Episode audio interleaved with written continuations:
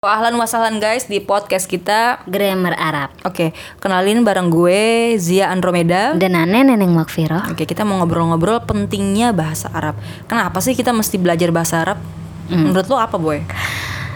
Eh, semua orang bilang kalau bahasa Arab tuh penting karena itu bahasa Al-Quran Oh, Bener nggak sih? Penting sih. Karena kan kita apalagi lo yang misalnya orang muslim ya, eh, sebetulnya buat non muslim juga bagus ya ada nilai plus karena kan pengetahuan juga kan. Iya Nah, kalau yang untuk orang muslim ini penting karena itu bahasa Al-Qur'an itu bahasanya itu kalau kita ngerti bahasa Arab otomatis kita dapat feelingnya. Ya, karena ada beda-beda tuh. Kalau di bahasa Indonesia itu dengan bahasa Arab ada perbedaan kata dan makna. Contohnya, misalnya kata-kata duduk. Duduk itu di bahasa Arab itu beragam. Duduk kan bisa dari diri ke duduk.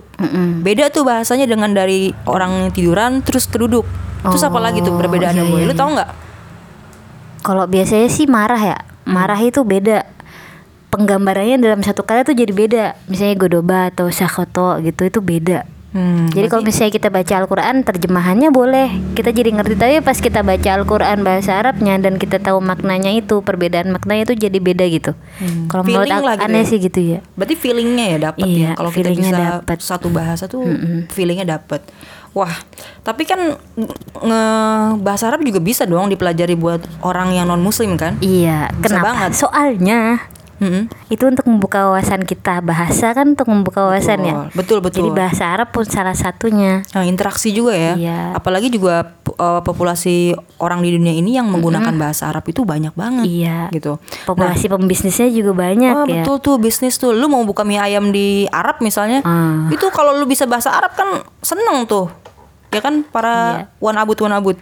Ya enggak? Iya, terus bisnis sumber daya alamnya juga kalau kita mau berhubungan Dengan, orang-orang Arab, orang-orang Arab. lu bisa bahasa Arab jadi prioritas. Iya, Iya. mereka juga mungkin ada yang bisa bahasa Inggris. Cuman kan kalau lu bisa bahasa ibu mereka, wah, lu diprioritaskan banget gitu.